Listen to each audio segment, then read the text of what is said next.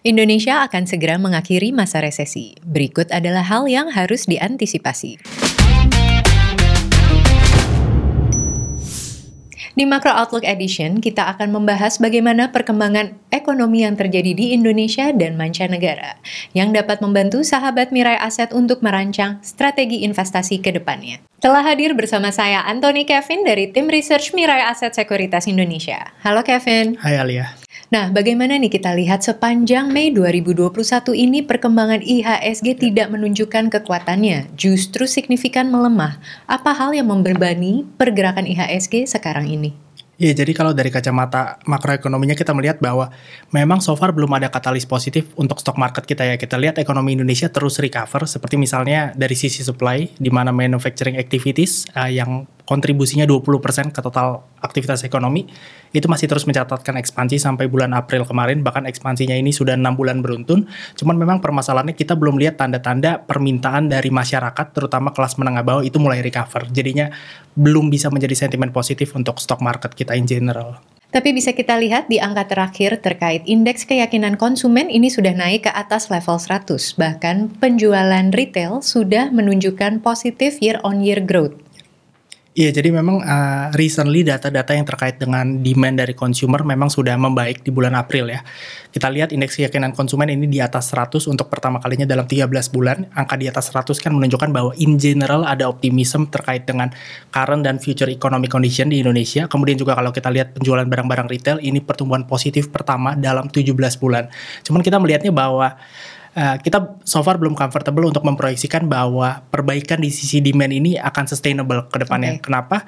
Karena pertumbuhan positif di bulan April misalnya itu banyak didrive oleh low base effect. Karena nilai di April 2020 terkait penjualan barang-barang retail itu rendah banget, otomatis di April 2021 itu ketemu growth-nya tinggi. Itu low base effect aja. Kemudian okay. juga kita tahu di bulan April ada disbursement dari THR sehingga consumption dari masyarakat meningkat di situ. Tapi masuk bulan Juni dan seterusnya harusnya impact dari disbursement THR ini kan mulai mulai menghilang gitu. Jadi kita belum comfortable untuk bilang bahwa recovery di sisi demand ini akan terus berlanjut ke depannya dan kalau ini nggak lanjut in general juga economic activities masih akan lemah harusnya. Oke, jadi kita antisipasi aja ya iya. sementara yeah. ini.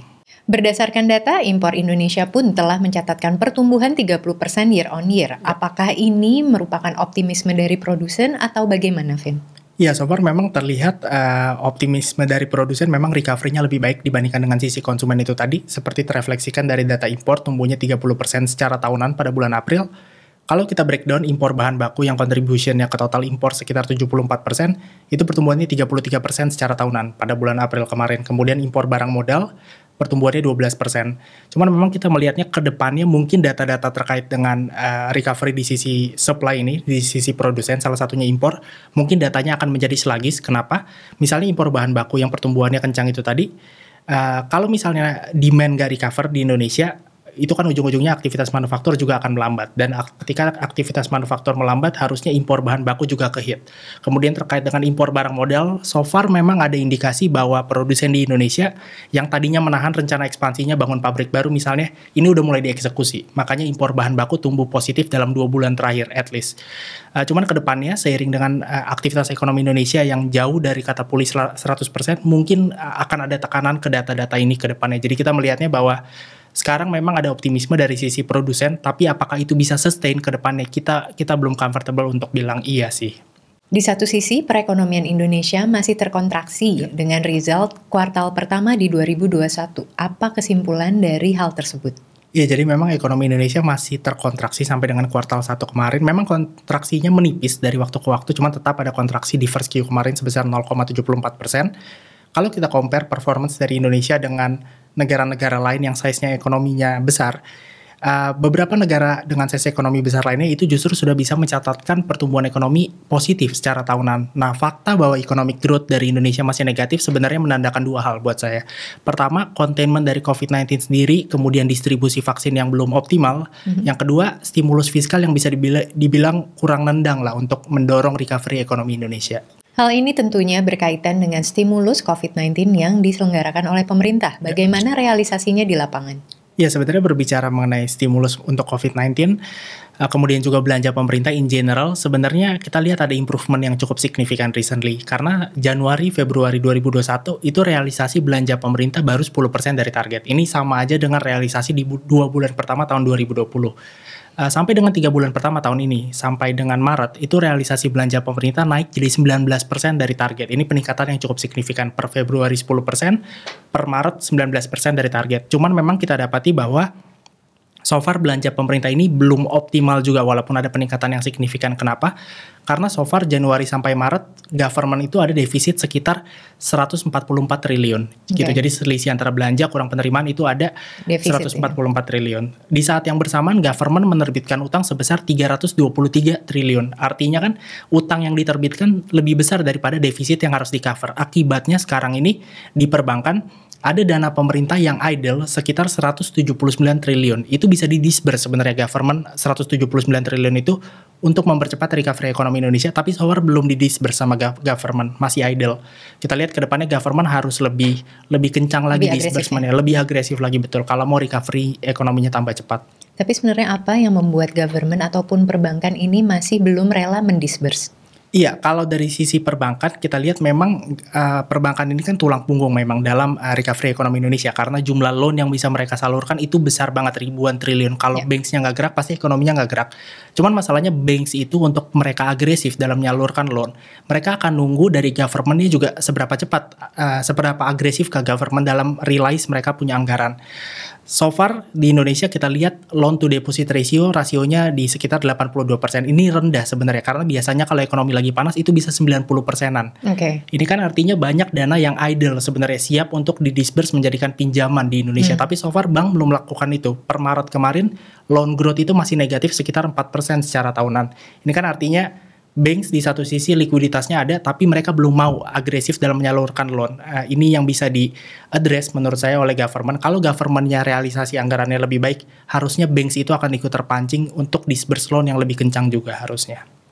Berkaitan dengan realisasi stimulus COVID. Nah, bagaimana dengan penanganan COVID outbreak di Indonesia ini sendiri? Iya, kalau terkait dengan containment dari COVID-19 outbreak-nya sendiri juga so far development-nya nggak positif dan saya rasa itu berkontribusi juga kepada recent depreciation of our stock market ya karena recently kita mendapati baik dari kasus baru maupun juga kasus aktif di Indonesia itu ada kenaikan. Saya rasa ini ada hubungannya dengan larangan uh, mudik kemarin yang eksekusinya kurang maksimal. Bahkan government sendiri mengakui bahwa ada jutaan orang yang melakukan mudik kemarin. Kemudian juga di sekitaran tempat saya tinggal kawasan Jabodetabek lah. Sepengamatan saya juga kemarin pada saat musim liburan itu penjagaannya juga bisa dibilang kurang maksimal. That's why kita melihat jumlah kasus uh, COVID-19-nya naik di Indonesia dan itu jadi sentimen negatif uh, obviously untuk stock market kita. Tapi bagaimana dengan perkembangan vaksinasi?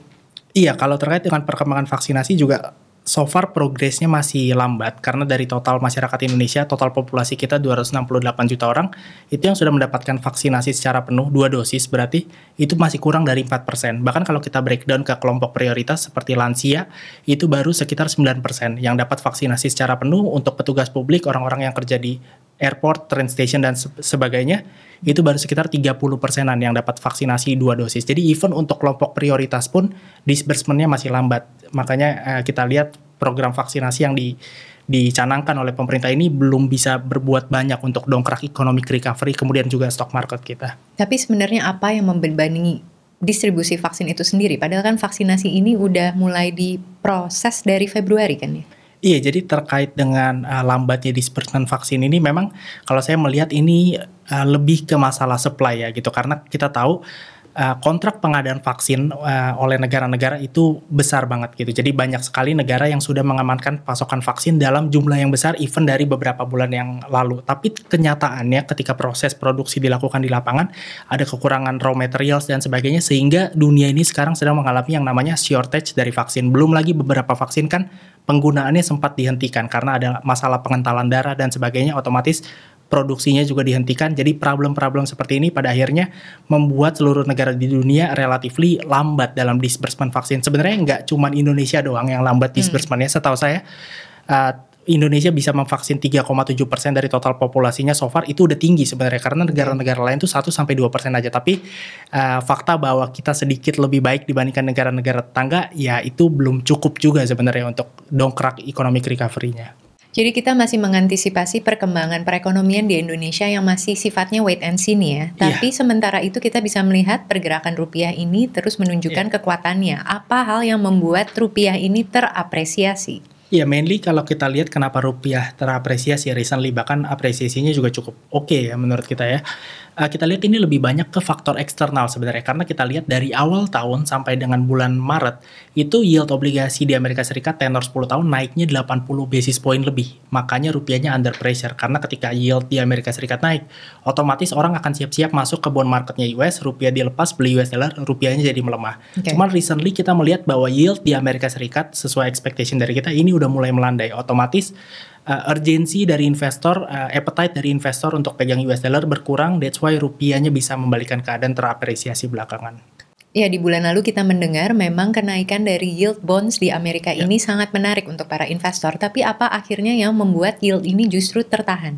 Iya, um, menurut saya perlu dipahami bahwa pada awal mulanya di awal tahun 2021 sampai dengan Maret April itu yield di Amerika Serikat naik karena expectation bahwa the Fed akan segera normalize atau menaikkan mereka punya tingkat suku bunga acuan. Penyebabnya adalah inflation di US ini recently naik dengan cukup signifikan gitu, udah di atas 2%. Cuman menurut kita memang inflation yang naik secara signifikan ini belum akan membuat the Fed untuk naikkan suku bunga acuan mereka sehingga pada akhirnya yield harusnya turun lagi dan itu yang terjadi uh, saat ini. Kenapa kita expect walaupun inflation tinggi tapi the Fed nggak akan naikkan suku bunga acuan? Karena pertama kita lihat inflationnya itu didrive oleh low base effect. Kita tahu rock bottomnya ekonomi Amerika Amerika Serikat parah-parahnya ekonominya itu di April, Mei, Juni. Pada saat itu inflation cuma 0 persenan di sana. Otomatis kalau kita tarik secara tahunan di April 2021 misalnya itu inflationnya tembus 2 persen. Itu yang pertama.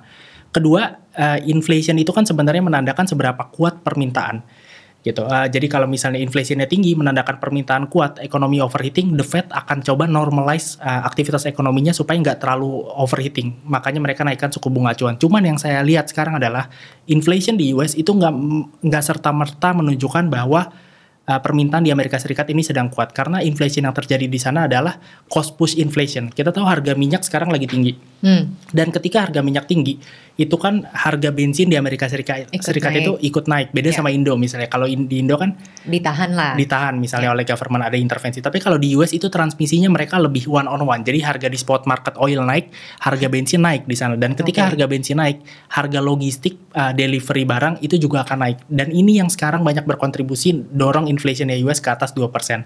Jadi saya melihatnya udah inflationnya di drive oleh low base effect. Kemudian di sisi lain inflation ini juga nggak mencerminkan ekonomi Amerika overheating. That's why nggak ada alasan yang kuat bagi the Fed mm-hmm. untuk naikkan suku bunga acuan simply karena mereka lihat angka inflation ini gitu dan itu yang terjadi sekarang pelaku pasar sudah mulai menyadarinya menurut saya that's why yieldnya recently normalize lagi sih. Kalau dari sisi domestiknya ini bagaimana? Kondusif nggak sih untuk pergerakan rupiah ke depannya? Iya, kita memang melihat so far bahwa apresiasi rupiah ini mainly di drive oleh faktor eksternal, yakni yield di Amerika Serikat yang mulai melandai itu tadi ya, sharing dengan um, pelaku pasar yang sudah mulai sadar bahwa The Fed mungkin nggak akan naikkan dulu suku bunga acuannya dalam jangka waktu dekat. Kalau dari domestiknya, kita melihat sebenarnya nggak suportif untuk mendukung pergerakan rupiah. Simpelnya kayak gini, rupiah itu kan cerminan dari valuasi sebuah negara. Kalau uh, rupiah lagi kuat, otomatis kan valuasi atas Indonesia lagi tinggi. Nah, cara paling gampang buat sebuah investor memvaluasi sebuah negara, mm-hmm. Itu melalui pertumbuhan ekonomi. Problemnya adalah over time economic growth projection untuk Indonesia di tahun 2021 itu terus di downgrade. Pada awal tahun ini ekonomis itu masih sepakat ekonomi Indonesia akan tumbuh di level 5% untuk hmm. tahun 2021. Pemerintah juga kayak gitu kan awalnya. Cuman sekarang uh, projection untuk economic growth Indonesia tahun 2021 tersisa 4,5%. Bahkan so far Bank Indonesia udah downgrade projection mereka untuk GDP itu dua kali. Uh, di sampai okay. dengan bulan Maret kemarin ini agak jarang buat sebuah bank Indonesia Merevisi downgrade ya? sampai dua kali gitu. Jadi sebenarnya kalau kita lihat dari kacamata pertumbuhan ekonomi, di mana ini kan uh, erat sekali hubungan dengan uh, performa dari rupiah, sebenarnya ini nggak suportif untuk mendukung pergerakan rupiah, apresiasi rupiah, karena pertumbuhan ekonomi Indonesia projectionnya terus di downgrade dari waktu ke waktu. Makanya kita lihat, uh, again, apresiasi rupiah belakangan ini, ini lebih di drive oleh faktor eksternal sebenarnya. Proyeksi Mirai Aset Sekuritas Indonesia untuk pergerakan rupiah di sepanjang tahun 2021 ini seperti apa?